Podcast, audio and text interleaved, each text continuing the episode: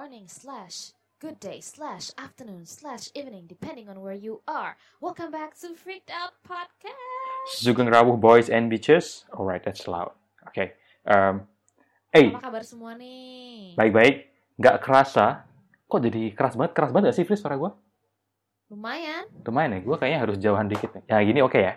Ini guys, Edward lagi pamer mic baru nih. Oh iya dong. Ini udah kayak Mac Mic Studio, apa namanya, yang ada pentolannya, ada busa-busanya itu loh. Ada apa muffled itunya Ya, iya. pokoknya. Kayak Gaya gitulah. lah. Seperti itu. Nah, em, tidak terasa, waktu berlalu sangat cepat ya. Di- Banget. sudah eh, di penghujung tahun ya. Eh, biasanya di penghujung tahun ini biasanya kita melihat ke belakang apa yang terjadi, planning buat ke depannya, gitu juga seperti itu kan. Kalau ke samping nggak dilihat, Word? Ke kiri kanan kita lihat siapa yang berjalan bersama kita. Wih, Asik. mantep banget gila gua sih. Boleh, boleh, boleh. filosofinya sih mantep sih. Oke, eh, jadi hari ini eh, kita bocorin dulu topnya ya.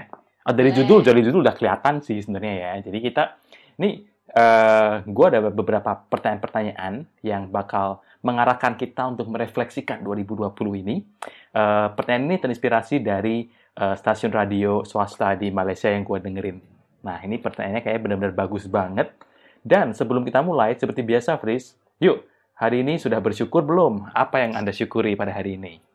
Oke, jadi hari ini uh, sebenarnya excited banget soalnya hari ini tuh kita barengan bikin CSR atau Corporate Social Responsibility. Kita itu, kita esin gue sama Edward ya guys. Um, kita membagikan hadiah kepada 100 uh, anak-anak dengan autisme. I think in Indonesia is autism, right? Ya. Eh, iya, dan kondisi yang spesial lah ya. Ah, kondisi special needs kid di seluruh um, area KL gitu dan sebenarnya gue tuh kayak untuk bikin project ini tuh it's a lot karena emang bulan ini gue tuh banyak banget kerjaan Banyak banget proyeknya ya. exactly dan ini kita tanggal 21 ada project yang lain lagi kan Oh iya, cuman bener-bener Oke. di squeeze yang kayak oke guys like we really have to do it this month you know momentumnya itu pas segala macam and like aduh bersyukur banget hari ini kegiatannya tuh walaupun ada blockersnya awal-awalnya tapi setelah itu lancar gitu event selalu kayak gitu sih. Event tuh nggak pernah gue yang bener-bener yang mulus lus lus tuh nggak pernah sih. Pasti ada aja yang satu dua tuh yang kayak eh melenceng tuh pasti ada. yang biasanya. unexpected banget gitu kan ya Bener-bener. Itu biasanya ada. Em, gue sama sih kayak itu karena itu highlight of the day banget ya, Fris ya. Dan banget dan lo lo pada pernah nggak sih lihat eh, Santa yang apa istilahnya malnourished ya, yang jadi ceritanya kantor kita ini idenya siapa? Gue nggak tahu sih, Fris. Ini ide lo atau ide siapa sih? Jadi ini tuh idenya sampai ide kita cuman maksudnya em, kita itu nggak go all out gitu ya nggak usah pakai Santa outfit gitu maksudnya cerita awalnya tuh kita dapat hadiah terus ya udah dibagi-bagiin aja gitu dari si rider yang kita punya ah, terus eh, mereka bilang eh kenapa nggak suruh eh, bos lo ikut gitu. Itu saran pertama. Tiba-tiba saran kedua adalah eh kenapa lo nggak suruh dia pakai kostum aja? Gitu. And then it goes like dari pas gue propose ke bos gue ternyata dia bilang eh kenapa nggak kalian semua ikut aja sama gue? Dia nggak mau Mau sendirian. sendirian banget. Jadi ya tuh apa ngasih konteks aja buat teman-teman di sini. Dari pagi tadi itu gue pakai baju Santa yang benar yang outfit all out, ada jenggotnya, ada ada apa rambutnya, wignya kayak gitu. ada sabuknya Ada sabuknya. Heeh, ada sepatu bootnya dan itu kayak gue nyetir mobil sendiri gitu kan. Dan tuh kayak kita ngelewatin daerah pasar yang macet gitu, terus kayak mereka tuh udah ngeliatin gue nih kayak ada Santa nyasar di daerah pasar basah ini kayak macet-macet lagi. mana kurus banget lagi Mana kurus lagi, aduh iya ada covid lah dek nih. Eh, Emang banyak sih tadi soalnya kan gue juga gue nggak nyetir sih hari ini kebetulan disetirin. Cuman maksudnya banyak banget orang tuh yang kayak ngeliat-ngeliat ke dalam mobil gitu kayak penasaran kan ini tuh siapa sih gitu. Pakai apa cewek gitu kan soalnya jarang-jarang gitu. Yoi, seperti itu. Yuk, ya udah. Kita sama hari ini eh, bersyukurnya eh, seneng banget bisa apa berbagi ya atas nama perusahaan kita, atas nama kantor kita. Nah, Fris, ini kan kita nih di sini ada beberapa pertanyaan nih, Fris ya. Coba lo Iya. lo pilih dulu satu, Fris. kalau apa mainan zaman dulu tuh apa sih? Apa sih cap cip cup, Belalang. kuncup? Eh, apa? Cap cucup kembang kuncup apa belalang kuncup sih? Gue I think will take Uh, top five people you spend most your time with. Oh, di, di tahun 2020 ini ya. Mm-mm. Oke. Karena yang tanya lo yang jawab yang jawab gua dulu ya. Oke, Eh gua- yang pasti karena gue di rumah terus adalah teman kontrakan gue, ya kan? Dan eh itu gue itu mereka sepaket lah satu, ya. Eh, terus yang kedua pastinya adalah eh, keluarga karena meskipun secara hanya telepon-teleponan secara virtual. nggak dihitung lah. Eh, oh enggak harus harus secara yang physical. yang- uh-uh, physical. physical siapa lagi ya, Fris ya? Eh, lu lah, Iya nggak sih? Hmm. Kita Iya juga sih. ke, ke kantor kan tuh hari sempat schedule-nya sama, Oh dan- iya, benar. iya kan? Heeh. Eh, itu kedua, terus ketiga, eh nggak ini tiga empat lima sih kayak lebih ke teman-teman gua se segrup itu sih. Tapi not necessarily on that order gitu ya maksudnya. Iya, karena apa yang kalau gua sebutin di sini ada si eh, Matty, Oliver, Via, Edri, Hana dan dan kawan-kawan itu, ya udah itu udah udah penuh lah istilahnya. Udah uh, banyak nih pamer nih temannya banyak nih. Iyalah, gue. Kalau lo udah pasti gue tahu yang pertama adalah eh, kesayangan Anda sendiri ya. Iya, benar. Bapak Joy Chua. Terus Yang kedua, tetangga gue.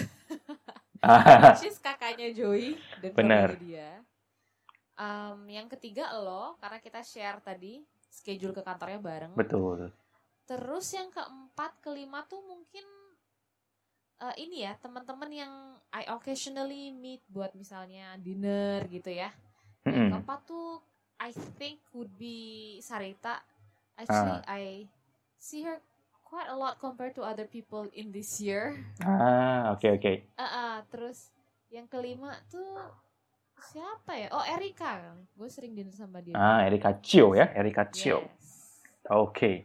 Eh, pertanyaan kedua, ini kayaknya yang eh, yang seru nih ya, apa sih? Uh. Eh, kopi. Eh, ini kok nggak ada ya kayaknya? Eh nggak ada deng. Cuma, oke, gue tanya Fris, kalau. Lu harus merangkum 2020 dalam satu kata, apakah itu? Dalam satu kata doang ya. Satu atau atau dua kata lah istilahnya satu pernyataan 2020 deh istilahnya. Gue kayaknya bisa deh ngerangkum tuh dalam satu kata doang. Coba apa tuh? Which is um, Buat diri lo. surprise. Oh, buat diri lo surprise. Kenapa? Karena ini tuh sebenarnya banyak ya. Karena menurut gue surprise ini very very versatile. Um, salah satunya adalah surprise karena things can really happen not like the way how you plan it. Itu yang pertama. Yang kedua, surprise how ugly people can be.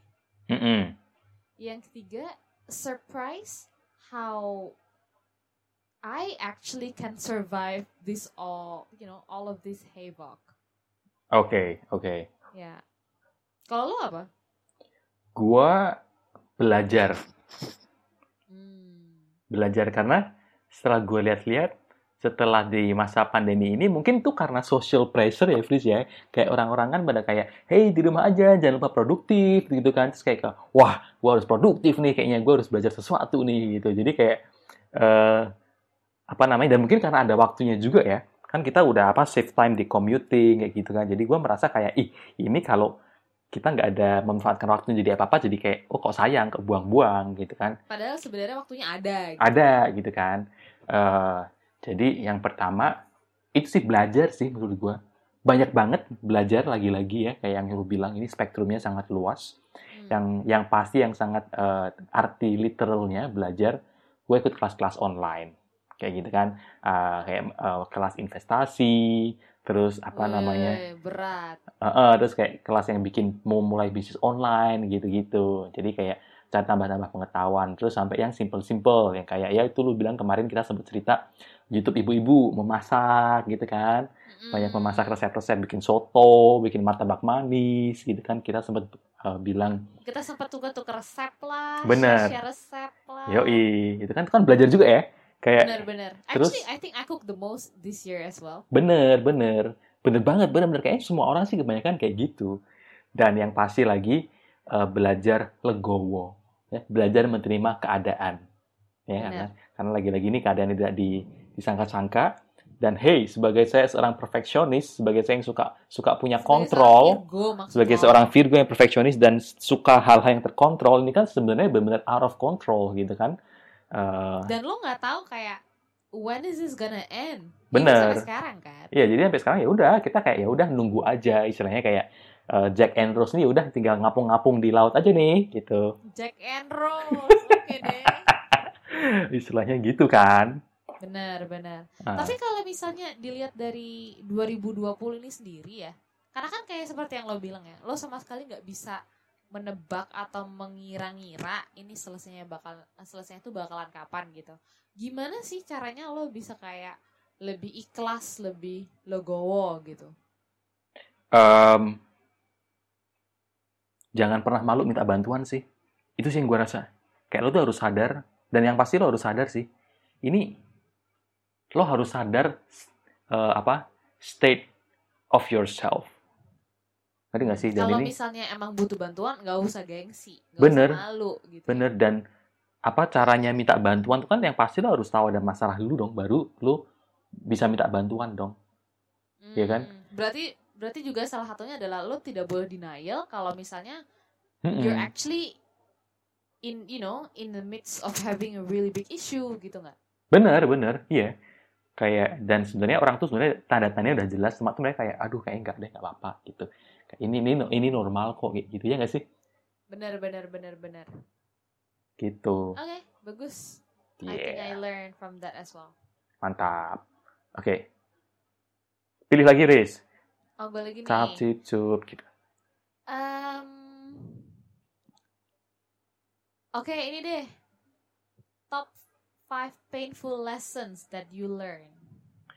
Top five. Gak usah lima lah ya, kebanyakan ya. Oke okay, ya. Ya, ya seadanya aja. Seadanya ya. Hmm. Uh, menurut gua, lu pinter-pinter cari teman aja sih. Lu mesti selektif dan istilahnya kayak yang temen lo sekarang pun itu lo ya jangan berharap mereka bakal ada selamanya kan sih? Dalam dalam istilahnya kan? best friends forever. Mm -mm, kita sempat sempat bilang ya sempat ngobrol ya kayak dan itu karena manusia itu kan lagi-lagi uh, kita nggak tahu kan mereka tuh pikirannya apa bagaimana cara mereka menyikapi sesuatu hal gitu kan. Karena bener, menurut bener. menurut kita hal-hal yang kecil tuh menurut mereka mereka hal-hal yang besar dan mereka kayak mikir kayak eh lo lo gila lo lo lo, lo gila bisa masih kayak gini gitu kan. Nah uh, yang menurut gue sih kayak orang-orang yang waktunya lu meluangkan waktu banyak sama mereka tuh belum tentu orang yang sebenarnya teman teman baik yang benar-benar ngerti mengerti kalian, ngerti kamu gitu sih. Jadi kayak, lebih ke kayak dunia pertemanannya gitu ya. Kayak meskipun mm -mm. lo sering banget hangout, tapi itu tuh sebenarnya bukan jaminan kalau lo tuh bisa mengerti satu sama lain gitu ya. Iya, yeah, bener. Jadi kayak uh, ya udah kayak nggak usah terlalu oh my god you are my best friend kayak gitu kayak udah udah kayak gue sih ke sana kayak udah B aja gitu loh.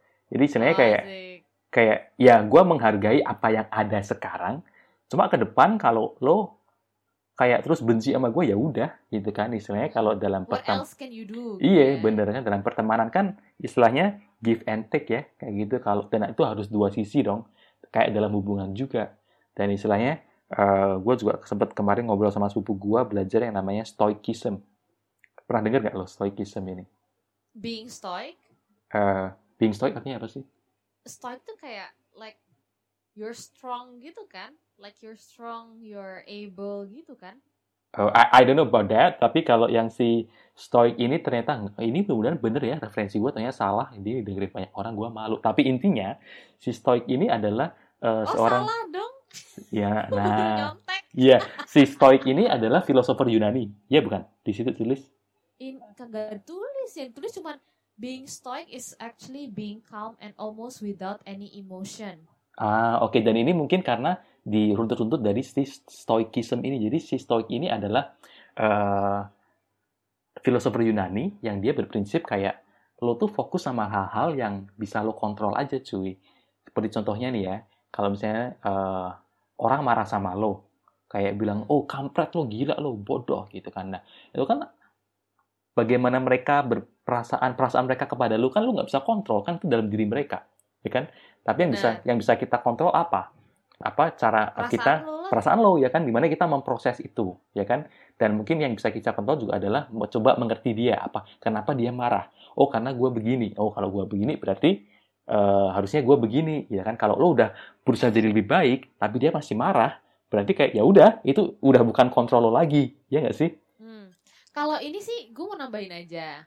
Jadi yang stoik dalam kata ini tuh sebenarnya juga dari contekan gue yang barusan ini, dia juga kan dia juga tadi bilang kalau stoik ini sebenarnya um, a noun from a person who's not very emotional. Jadi you also accept whatever that is happening. Kurang lebih sama Hmm. yang lo jelasin tadi. Dan nambahin pelajaran yang lo bilang barusan ini tentang stoicism ini, um, Erika actually sempat bilang sama gue gini, kalau misalnya kita berusaha baik sama orang, itu tuh kadang-kadang kita tuh jangan sampai kayak kita itu me, apa ya memohon-mohon gitu kayak, Hmm. "Hey, please you know be nice to me, kan gue udah baik sama lo gini-gini gitu. iya iya iya Menurut dia tuh waktu gue ceritain waktu itu dia bilang sama gue tuh kayak, aduh ngapain buang-buang waktu sama orang yang tidak menghargai kebaikan lo gitu kan? Lo baik sama mereka one time oke nggak terima oke. Second nggak terima oke. The third time kalau masih nggak bye. Like Iya kan? don't even like waste your time anymore gitu. Bener. karena lo buang-buang effort lo gitu lo in the end. Tapi menurut gua kan benar-benar yang bisa kita kontrol adalah sikap kita kepada mereka kan? Bener Jadi kita nggak juga juga yang apa being resentful or whatever gitu kan. Kita juga keep cool this kind of thing kan. Kayak ya itu benar-benar kita fokusnya itu benar yang kita bisa kontrol dan itu benar-benar gua rasa ngebantu banget sih. Benar-benar kayak lu bisa calm, bisa kalem, lebih kalem. Kalau tahu ya udah kalau lu gua nggak bisa ngapa-ngapain mau gimana, ya kan? Oh, ya juga sih. Tapi kalau menurut gue, em, gimana ya? Maksudnya kayak ngelihat dari sisi apa yang bisa kita eh, atur atau apa yang kita bisa kontrol. Kadang-kadang itu juga bikin kita lebih mengerti ya. Misalnya kayak, you know what? If if they want like you can only do so much to help people or to be nice to people, ya kan? Jadi mungkin lo juga akan do good to yourself dengan gak buang-buang waktu, you know, Benar, untuk benar. memaksakan memaksakan keadaan, gitu, eh, Benar. memaksakan apa ya orang lain itu supaya sesuai dengan harapan lo gitu loh. Benar, benar ya seperti itu. Iya, berarti fokusnya harus ke situ dan itu eh, ini adalah percakapan yang eh, gue lakuin, gue jalani, eh, gua percakapan kok gue lakuin, gue jalani sih, yang pernah kita bahas dengan salah satu sepupu gue, kayak gitu. Nah, Kalau lo apa? Kalau lo apa, Fris? Apa, Painful, lesson. lessons Iya. ya? Apa ya? Sebenarnya kalau buat painful sih nggak painful painful banget ya. Lagi-lagi guys, gue ingetin yang kalian baru dengerin, Friza ini orangnya chill. Ya, jadi kayaknya kalau ada apa-apa tuh dia nggak lebih nggak masuk ke hati. deh. Kalau kalau gue ini orangnya masih kayak gue pikir-pikir, gue pendem, gue pegangin gitu loh. Jadi gue Bener-bener overthink gitu ya. Iya, let go-nya lebih Ego. lebih lama. Let go-nya let go gue lebih lama prosesnya. Benar. Kalau itu tadi ya mungkin kalau painful I don't even actually remember yang bikin painful banget sebenarnya. Cuman kalau dilihat-lihat itu mungkin apa ya? Actually I don't know. Nah, kan bener Pas. bener kan? Lagi-lagi dia ini orangnya chill kayak ya udah gitu, ya udah. Lu begitu, terus ya udah, nggak bisa gini, ya udah. sedih atau apa gitu ya. Mungkin sedih-sedih banget gitu, cuman nggak bakal lama. Nah, itu iya makanya. Hmm. Lagi-lagi si Frisa ini kayak gitu emang orangnya. Nah, Oke, tadi kan yang kayak kok kayak berat-berat ya, painful gitu-gitu kan. Yuk kita yang lebih ringan yuk. Apa ya yang lebih positif nih? Eh gue yang tanya ya. Em, Hmm.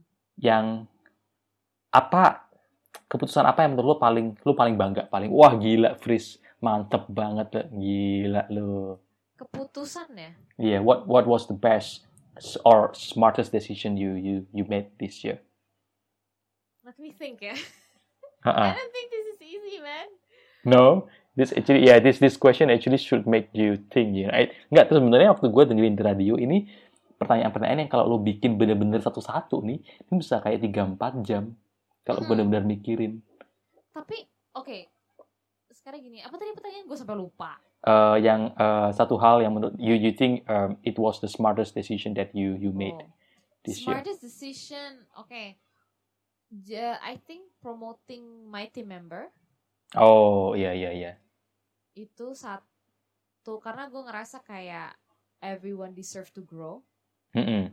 and there are certain things that I also notice gitu misalnya kayak um, dengan membuat apa keputusan yang smart decision seperti itu kadang-kadang itu kita nggak sadar membuka lebih banyak lagi kesempatan Mm-mm. gitu Contohnya seperti Terus, apa nih?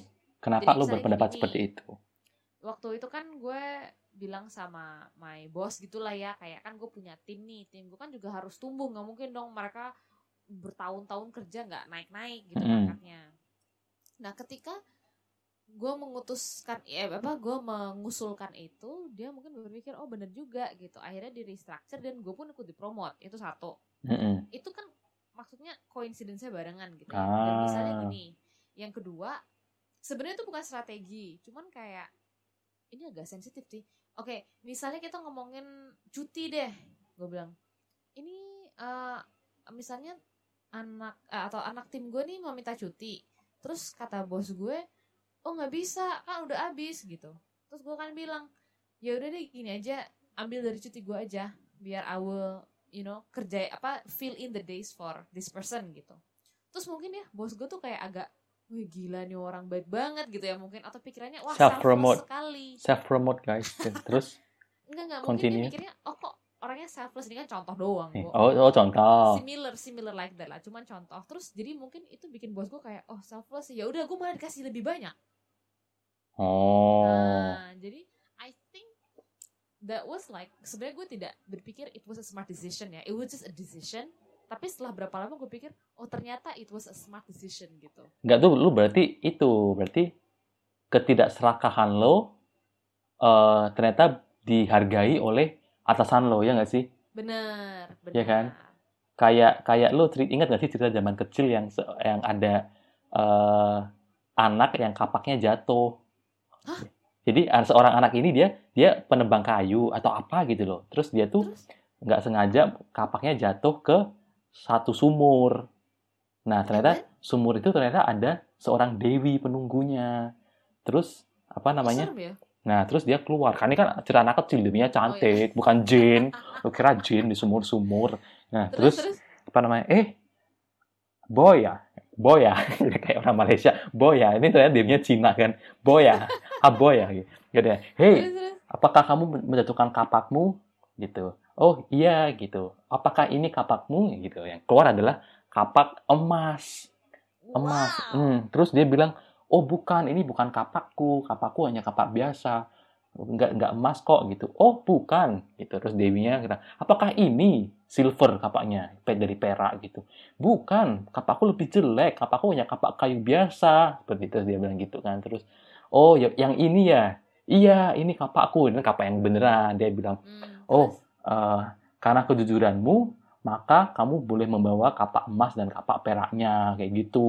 Terus jadi dia bawa kayak gitu. Wow. Terus ternyata ada temannya dia yang mengintip, wah ini ini oke nih kayaknya. Terus dia sengaja jatuhin kapaknya gitu, jatuhin kapaknya. Terus kayak Terus, keluar kapak emas. Apakah ini kapak emasmu? Gitu. Terus dia bilang, iya ini kapak emasku gitu. Nah, ternyata malah terus malah nggak dibalikin, nggak dikasih semua gitu. oh, gara-gara greedy itu tadi. Mm-mm. Kayak gitu. Bagus juga tuh ceritanya. Nah, lo lo kayak masa kecil lo kayak nggak ada cerita-cerita gini-gini ya. Lo tontonannya apa sih? Nickelodeon gitu yang kayak. Eh, enggak, gue waktu kecil nonton apa ya? Ninja Hattori, Cimor Kocak. Gue juga nonton, cuma gue tetap ada cerita-cerita begini loh. Gak tau ya, gue kok nggak ada ya. gue Eh. kurang baca mungkin dulu waktu kecil, bacanya bobo doang. Iya, ini ini ini baca sih. Ini buku bacaan bener sih. Bukan yang di TV TV gitu sih, bener-bener.